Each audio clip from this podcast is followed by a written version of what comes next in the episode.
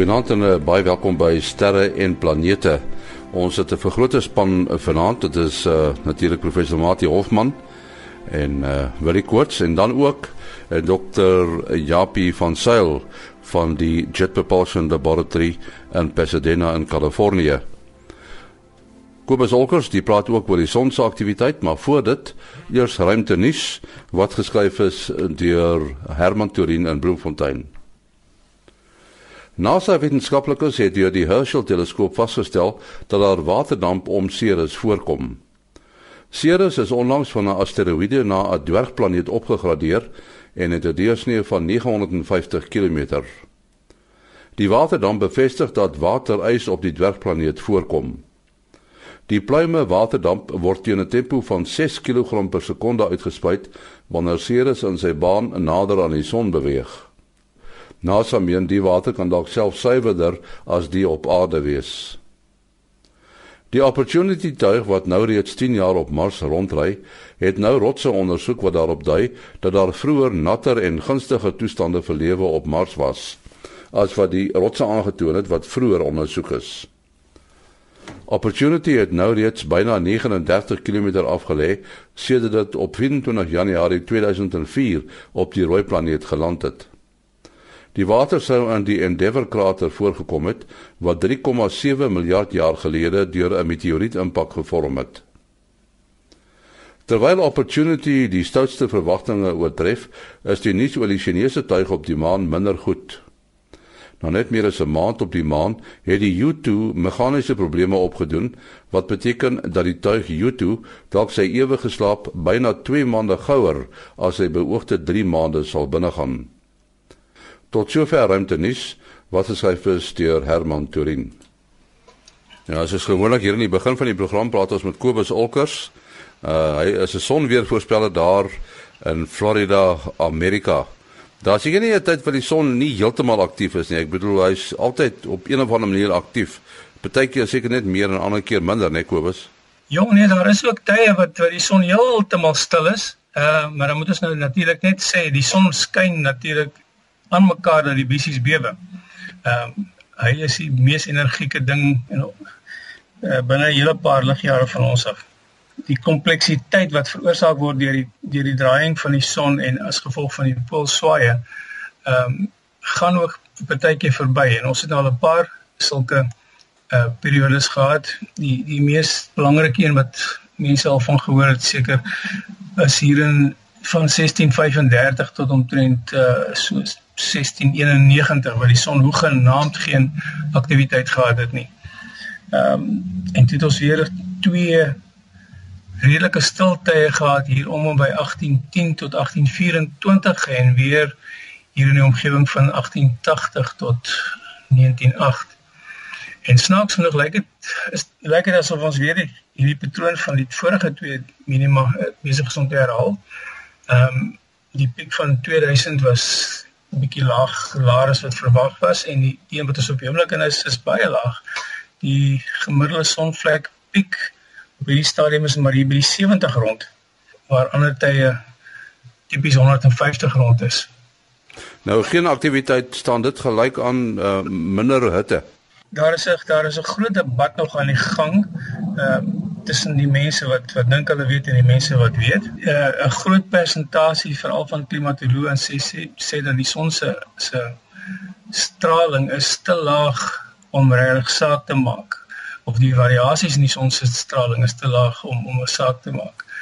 Ehm um, wat ongelukkig wat die mense nie regtig bewus van is nie is is dat die son nie net in ultraviolet of so uitsaai nie. Hy hy straal alles van gelykstroom tot lig uit en en verby tot by ekstrale.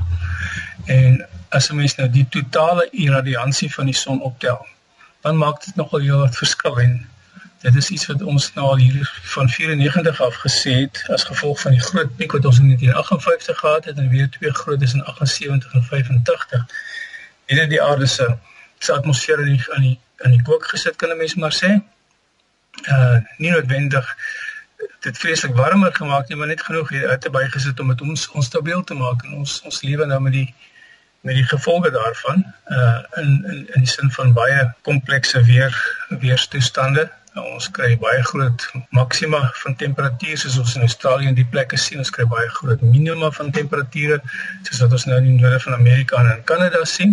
Maar maar hierdie verwarmingstydperk is eintlik nou weer verby. Ons is nou weer weer besig om in 'n tydperk van globale verkoeling in te gaan. Ehm um, en as die son sy tendens voort voort voorthou uh, soos wat hy op die oomblik aan die gang is, dan gaan ons definitief 'n ja, heelwat koeler klimaat begin kry. Ja, is baie interessant. Koop as jou besonderhede. 083 264 8038. Uh 083 264 8038 en net SMS asseblief. Daar sê baie dankie Kobus Okkers. Nou soos ek beloof het, praat ons vanaand met 'n vergrote span.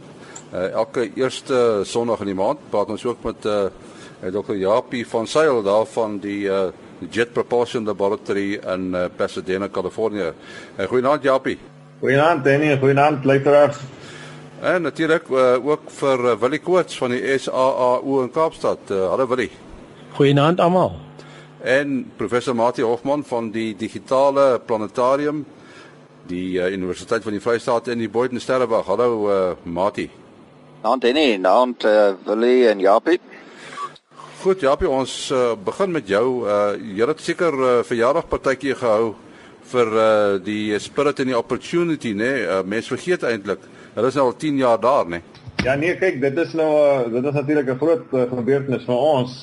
Maar almal gesien die karretjies veronderstel ons om 90 dae te hou soos een van die mense hier by JPL gesê het, dis die eerste keer wat hulle aan 'n projek werk wat die wat die um, motorkarretjie langer hou as die as die uh, meubels. En uh, jy, jy sê hy hy is veronderstel gewees om 90 dae te hou. Nou wonder ek hoe werk julle met sulke goed soos begrotings want uh, dit is nou iets in 'n sekere sin wat onverwag is, nê? Nee, julle julle moet nou 'n span daar hê om die ding heeltyd op te hou. Ja, dit is uh, dit is natuurlik so 'n uh, mens oorspronklik het ons natuurlik beplan om vir 90 dae te te werk, maar NASA het daarom van die begin af gesê as hulle langer aanhou, sal hulle die die span by JPL ondersteun.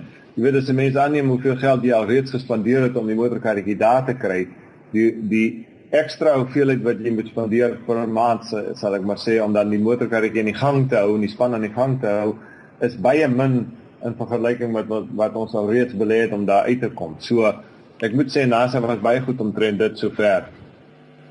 Ek dink daar's mense wat die vraag vra, jy weet daar was nou twee karretjies gewees, daar's nou een plus Curiosity. Uh die werk wat die twee voertuie doen, Curiosity en Spirit, hoe verskil hulle van mekaar? Oorspronklik uh, toe Spirit en Opportunity Mars toe gegaan het, het ons nog geen werklike bewys gehad dat daar ooit eers water op Mars was nie. So hulle oorspronklike doel was om te gaan kyk kan ons enige bewys kry dat daar ooit water op Mars was. Nou ja, hulle het was baie suksesvol, hulle het baie gou die minerale daar opgespoor wat gewys het dat daar wel water op Mars was. So toe ons nou Curiosity gestuur het, het ons nou al reeds geweet daar is daar was water. Ons weet nou van fotos van ons satelliete wat om Mars wentel dat daar vandag nog gedurende die somer op Mars klamplekke op Mars ontstaan. So ons weet daar's vandag nog water in in sekere vorms op Mars. Dit staan nog nie in poele nie, maar dit maak die grond nog steeds klam. So toe het ons Curiosity gestuur met die uh, doel om te gaan kyk of die toestande ooit so was dat ehm uh, lewe wel kon bestaan het op Mars. So dit is die, dit is die groot verskil tussen die twee sendinge. Nou natuurlik soos wat Curiosity uh sy dinge doen in uh, of of haar dinge doen aan die een kant van die van die uh, planeet doen uh, opportunity nog steeds die werk aan die ander kant ook en opportunity het ook intussen al natuurlik bewys dat daar wel plekke kon wees waar opportunity werk waar daar ook lewe kon bestaan. En ek onthou jy het die vorige keer gesê dat jy beplan om uh uh 2020 nog 'n tuig op te stuur. Wat sal sy werk dan wees? In 2020 die ehm um, uh sal stuur ons basies dieselfde, sal ek maar sê die die basiese motorkar is dieselfde as Curiosity, maar die instrumente op hom gaan anders wees.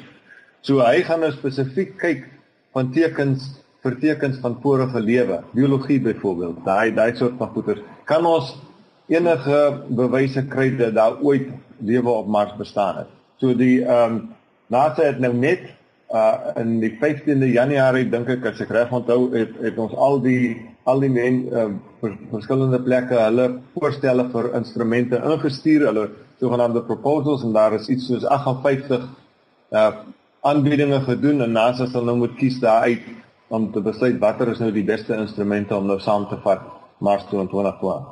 Opportunity is nou 10 jaar daar op Mars en uh in totaal het hy nou nie honderde kilometers gery in die 10 jaar nie, maar wel kom ons sê as ek reg onthou so net onder 40 km, maar vir so 'n klein tuigie wat heeltemal op 'n afstand beheer moet word of met sy eie intelligensie moet uh, sy pad vind, is dit uh, sekerlik al 'n groot prestasie, maar dis nou nou die vraag is, uh, wat kan jy nou nie ontdek na 10 jaar in dieselfde relatief klein omgewing?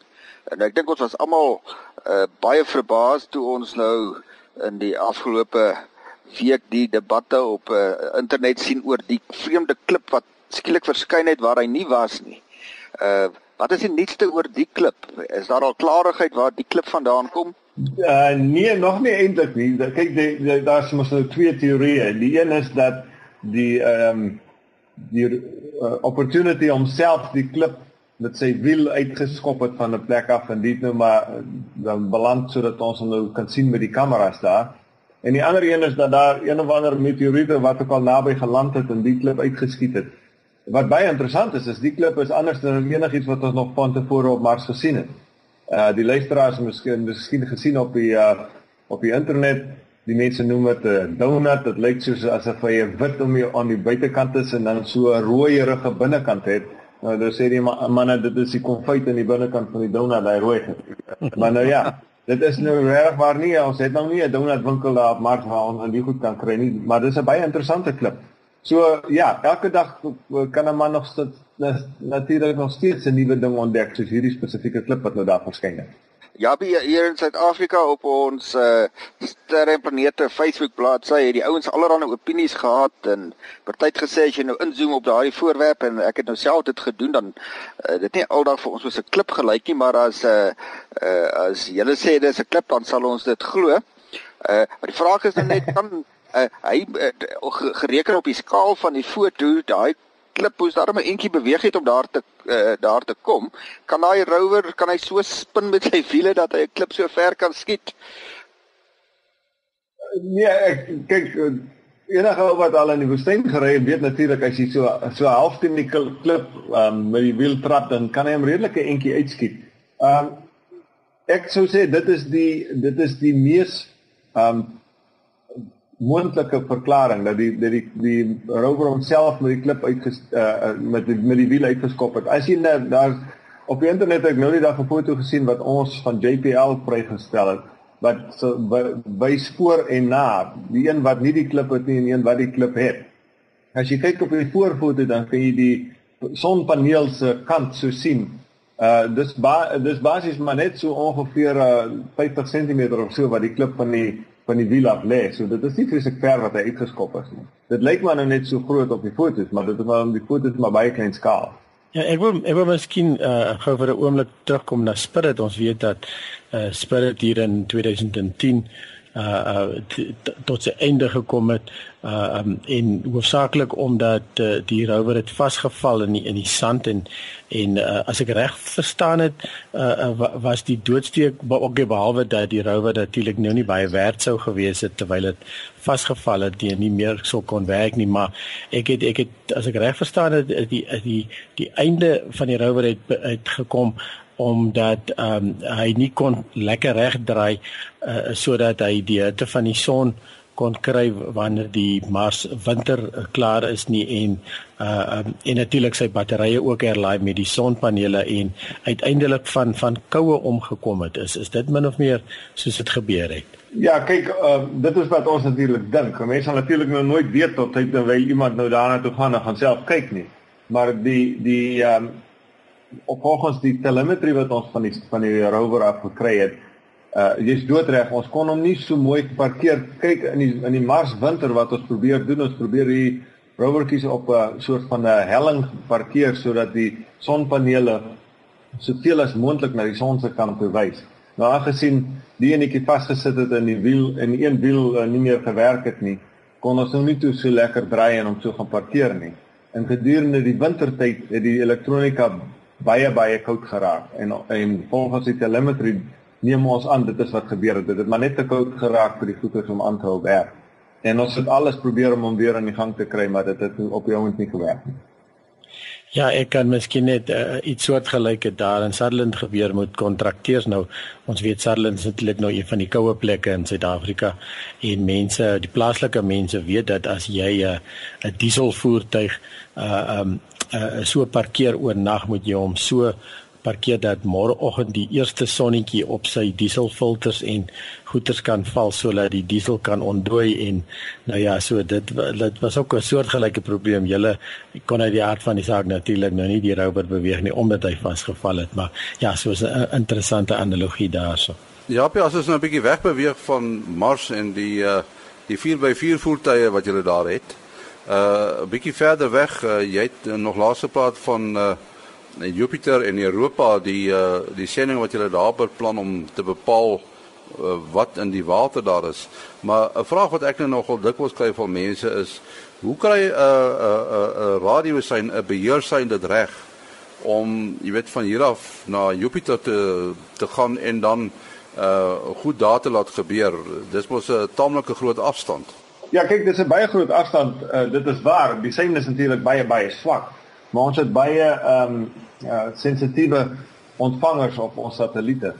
Uh die luisteraars kan mag dalk onthou dat die Voyager uh satelliete is in 1977 gelanseer. Nou verlede jaar het Voyager uh die eerste um mensgemaakte voorwerp geword wat ons sonnestelsel verlaat het. Hy's nou in wat ons noem interstellar space. Nou uh, uh sender stuur maar die dieselfde hoeveelheid krag uit as 'n 60 watt gloeilamp. So dit is bitter bitter min uh sein wat daarvan af gestuur word en dit is uh hy is meer as 100 maal so ver as wat die aarde van die son af is van ons af is. Natuurlik. So dis biljoene kilometers wat wat die sein trek. So ons moet baie groot antennes gebruik om daai seine te kan op uh, ontvang hier op die aarde. So ons sit eintlik 'n 70 meter antenne en twee 34 meter antennes bymekaar as ons die Voyager se seine moet ontvang. So uh, die seine is baie swak natuurlik, maar soos ek sê, ons is baie sensitiewe ontvanger. So word die Voyagers van JPL af beheer. Ja, hulle word nog elke dag kry ons nog seine van hulle terug. Elke dag. En en wat is soort inligting kry julle? Ons kry meestal inligting omtrent die digtheid van sogenaamde interstellar particles. So dit is die uh, dit hoe ons weet dat ons ons sonnestelsel verlaat het die die plasma sal ek maar sê wat daar buitekant is het het rigting verander. Soos wat jy sal verwag as ons sonnestelsel ons son en al die planete om hom is besig om deur die sogenaamde interstellar wind te te te trek. En so die interstellar wind blaas in 'n sekere rigting en ons son blaas in 'n ander rigting. So ons kon die rigting van die partikels meet en daar daar daar volgens bepaal dat ons wel ons sonnestelsel verlaat het. En en jy meen nog fotos? Nee, die ons is so ver van die van die uh van alles af op die oomblik dat enige fotos wat ons neem is maar net van ligdoetjies so. Ons neem nie eintlik meer fotos nie. Ons ons neem maar net data van die partikels en so aan. Goed, uh, as ons nou weer terugkeer na na Europa die die uh, die maan van Jupiter, een van die maane. Uh, hy gaan nou bo op die ys sit, uh, die ding wat julle gaan stuur, die uh, noem dit nou maar uh, navorsingstuig En dan gaan hy nou met met 'n verhitte kop gaan hy nou afsak in die ys. Hoe dik is daai ys? Die ys is uh die teorie is dat dit so ongeveer 20 uh, km dik is. Die luisteraars mag dalk weet dat daar in Desember 'n nuwe inligting uitgekom het van die Hubble Space Teleskoop wat foto's geneem het van Europa wat lyk asof daar water ehm um, geysers uitspuit uit uh die suidpool van Europa uit. So as dit waar is, as dit kan as dit kan bevestig dat dit aangaan, aan die gang is op die oomblik en dit kan uh, ons kan uitvind hoe lank dit sal aan die gang bly, dan kan 'n mens hoeveel mense dit gaan land nie. Ons kan soos ons met die Cassini spacecraft gedoen het na uh, Saturnus, ons kan deur daai geysers gaan vlieg. Ons navigators is baie uh, is ongelooflike ouens en hulle kan jou satelliet bring. Ons het byvoorbeeld 12 km bo kan die oppervlakte van een van die maane van Saturnus gevlieg om deur die geysers te vlieg en toe kon ons meet waarvan die water gemaak, jy weet wat die water se se bestanddele is. So as dit die geval is met Europa dan behoort ons uh, heel wat makliker te kan uitvind wat die oseaan van gemaak is deur net deur een van daai geysers te gaan vlieg. So ons is werk vir baie baie hard daaraan om te kyk of ons so iets kan ontwerp. Uh, uh, en nie Ja, dit is verstommend wat 'n mens nou nog na soveel dekades uh, intensiewe verkenning van die sonnestelsel omtrent elke week iets nuuts van die sonnestelsel hoor en ding nie meer gereeld nie. Uh, Byvoorbeeld, ek was heeltemal verbaas toe ek hoor dat uh, terwyl Japie nou praat van die water uh, geysers op Europa dat soortgelyke waarnemings is van die asteroïde of nou dwergplaneet Ceres geneem. As ons nou aan die asteroïdbel dink, uh wel ten minste ek het nou maar net gedink aan 'n klomp dooie droë klippe, party klein en party baie groot. So daar is ook weer 'n verrassing dat uh water in een of ander vorm duik maar oral uh in die sonnestelsel op en selfs uh rondom wel rondom planete om ander sterre, die sogenaamde eksoplanete. Ja, jy praat dan van daai navigeerders van julle uh, hoe kry hulle dit reg? Uh, is dit 'n soort GPS-stelsel wat hulle gebruik of hoe werk dit? Uh op op ons satelliete gebruik ons wat hulle noem two-way uh ranging. So ons stuur 'n sein na die satelliet toe en ons meet baie baie akkuraat hoe lank neem dit die sein om daarna toe te gaan en om terug te kom. So dan weet ons hoe ver is die um, satelliet van ons af. En ons gebruik ook die sogenaamde Doppler op die op die sein. Doppler beteken maar maar net die sein verander frekwensie as die ding nader na ons toe kom is dit hoër frekwensie as jy verder van ons aftrek is dit laer frekwensie. En so jy kan die frekwensie kan vir jou vertel hoe vinnig beweeg die voorwerp van ons af of na ons toe. So met daai twee uh dele van inligting kan daai ouens dan baie baie akkuraat die die baan van die satelliet beplan. En hulle is ongelooflik goed soos ek sê, jy weet hulle kan uh vreeslik naby aan planete verbyvlieg en so aan en dit in ag neem hoe om om weer terug te kom en so voort. So nee, dit is 'n dit is 'n ongelooflike veld wat die mense uh hier by JPL doen. Ja, ek wil miskien ook net daarbey aansluit. Ek weet ehm um, toe ons destyds uh, salt gebou het uh ehm um, die groot teleskoop en jou salt werk nou op 'n hele ander manier wat ek nou nie te, uh, te veel tyd wil spandeer nie maar salt is interessant in die sin van dat dat die die die trekker gedeelte is nie soos 'n gewone teleskoop so jy kan nie weet presies waar jou teleskoop mik nie want jy het hierdie los gedeelte aan die voorkant wat kan beweeg. En en, en toe hulle 'n kommersiële star trekker en as ek reg het is 'n star trekker is dit 'n maatskappy wat hierdie stelsels verkoop en jy kan dit net aan jou ruimteskipie vasbou en uh, en dan kan hy homself orienteer en uh, uh, want ek het nou verstaan um, uh, hierdie ruimteskip wat nou die dag uh, uh, wakker gemaak is Rosetta. Rosetta. Rosetta, dit is korrek. Ja, ja, ja. En en um, en dan dan is dit net ongelooflik hoe die ding homself kan orienteer deur net na die sterre te kyk en uh, ongelooflik dat dat hy uh, um, net die sterveld kan herken. Nou ek neem aan op baie van julle ruimtetuie is daar ook 'n 'n start trekkersstelsel of of het julle julle eie stelsels ontwikkel daarvoor? Nee nee, ons uh, ons koop gewoonlik die Star Trekker self soos, jy sê, daar is 'n hele paar maatskappye wat dit vervaardig. Uh ons moet natuurlik aangepas word vir die vir die by, uh, diep ehm um, sogenaamde deep space waar daar baie meer ehm um, partikels is wat jy kan die die rekenaars om omgooi en so aan, maar ehm um, ons gebruik dieselfde idee dat jy kyk na 'n sterreveld en dan kan jy weet waar jy is en hoe die hoe die satelliet georiënteer is uh, relatief tot die aarde. Daar's nou iets wat vir my nou baie interesseer. As mens nou dink aan sendings, uh, sê nou maar om uh, na Mars toe of uh, soveel te meer nog na Jupiter toe waar Jupiter is nou op 'n goeie 800 miljoen kilometer ongeveer. Nou dit beteken as uh, as JPL of een van die NASA uh, instellings 'n sein stuur nou om nou te gaan kyk, weet uh, hoe lank vat daai sein om heen en weer te beweeg en dan ook te gaan kyk weet uh, wat is die dobbelverskuiwing die spoed te gaan bepaal dan in die geval van Jupiter gaan dit omtrent 'n halfuur vat vir daai sein om by uh by die tuig te kom as hy nou al naby Jupiter is en weer 'n halfuur terug. So alles is so half 'n bietjie ou nuus. Is baie kompliseer dit nie dinge baie nie. Veral as die beweging nou taamlik vinnig verander as hy nou al in 'n baan is, kan jy nou regtig uh, weet waar is die uh, tuig presies nou en hoe beweeg hy nou of is dit altyd maar so 'n bietjie geskiedenis wat jy weet? Nee, kyk, jy is dood reg. Dit dit maak dit natuurlik so uh, moeilik vir ons. Uh dit is altyd jy jy vind altyd uit wat dit sê nou maar 'n uur gelede of of uh, so gebeur. In die in die in die geval van die van die uh Voyagers byvoorbeeld, vat 36 amper 36 uur vir die sein om soontoe te trek en trek en terug te kom. So nou dan stuur hulle vir ons te sê iets het verkeerd gegaan, dan vra ons vir hulle wat. Dan hoor jy 36 uur later wat is nou verkeerd gegaan. So, so en mens moet dit natuurlik nou in ag neem as jy hierdie hierdie goeders ontwerp. So ons het altyd ons rekenaars het wat hulle noem 'n sogenaamde safe mode.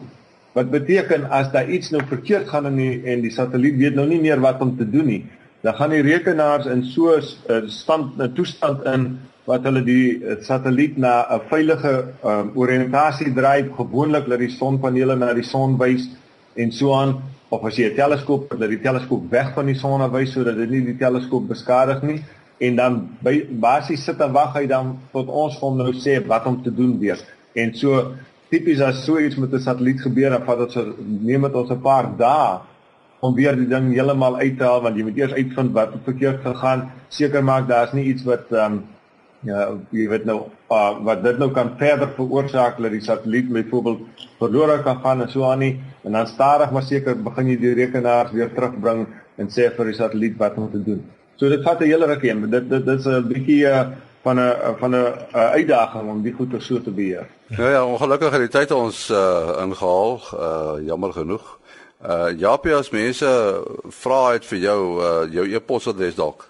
Ja, my e-posadres is jakob j a k o b .jpl.nasa.gov. Vir vir gov at die, aan die einde. En die luisteraars moet maar net 'n bietjie uh, geduldig wees. Ons spamfilters aan hierdie kant is soms bietjie ooraktief. So as ek nie as ek nie antwoord nie, stuur maar weer enetjie. Daar's hy. Mati? Uh Selfoonnommer vir SMS 083 625 7154. 083 625 7154. Watie? Ja 0724579208 0724579208 en mense kan ook WhatsApp stuur. Nou sê my e-posadres maas.henny@gmail.com maas.henny@gmail.com. Tot volgende week, mooi loop.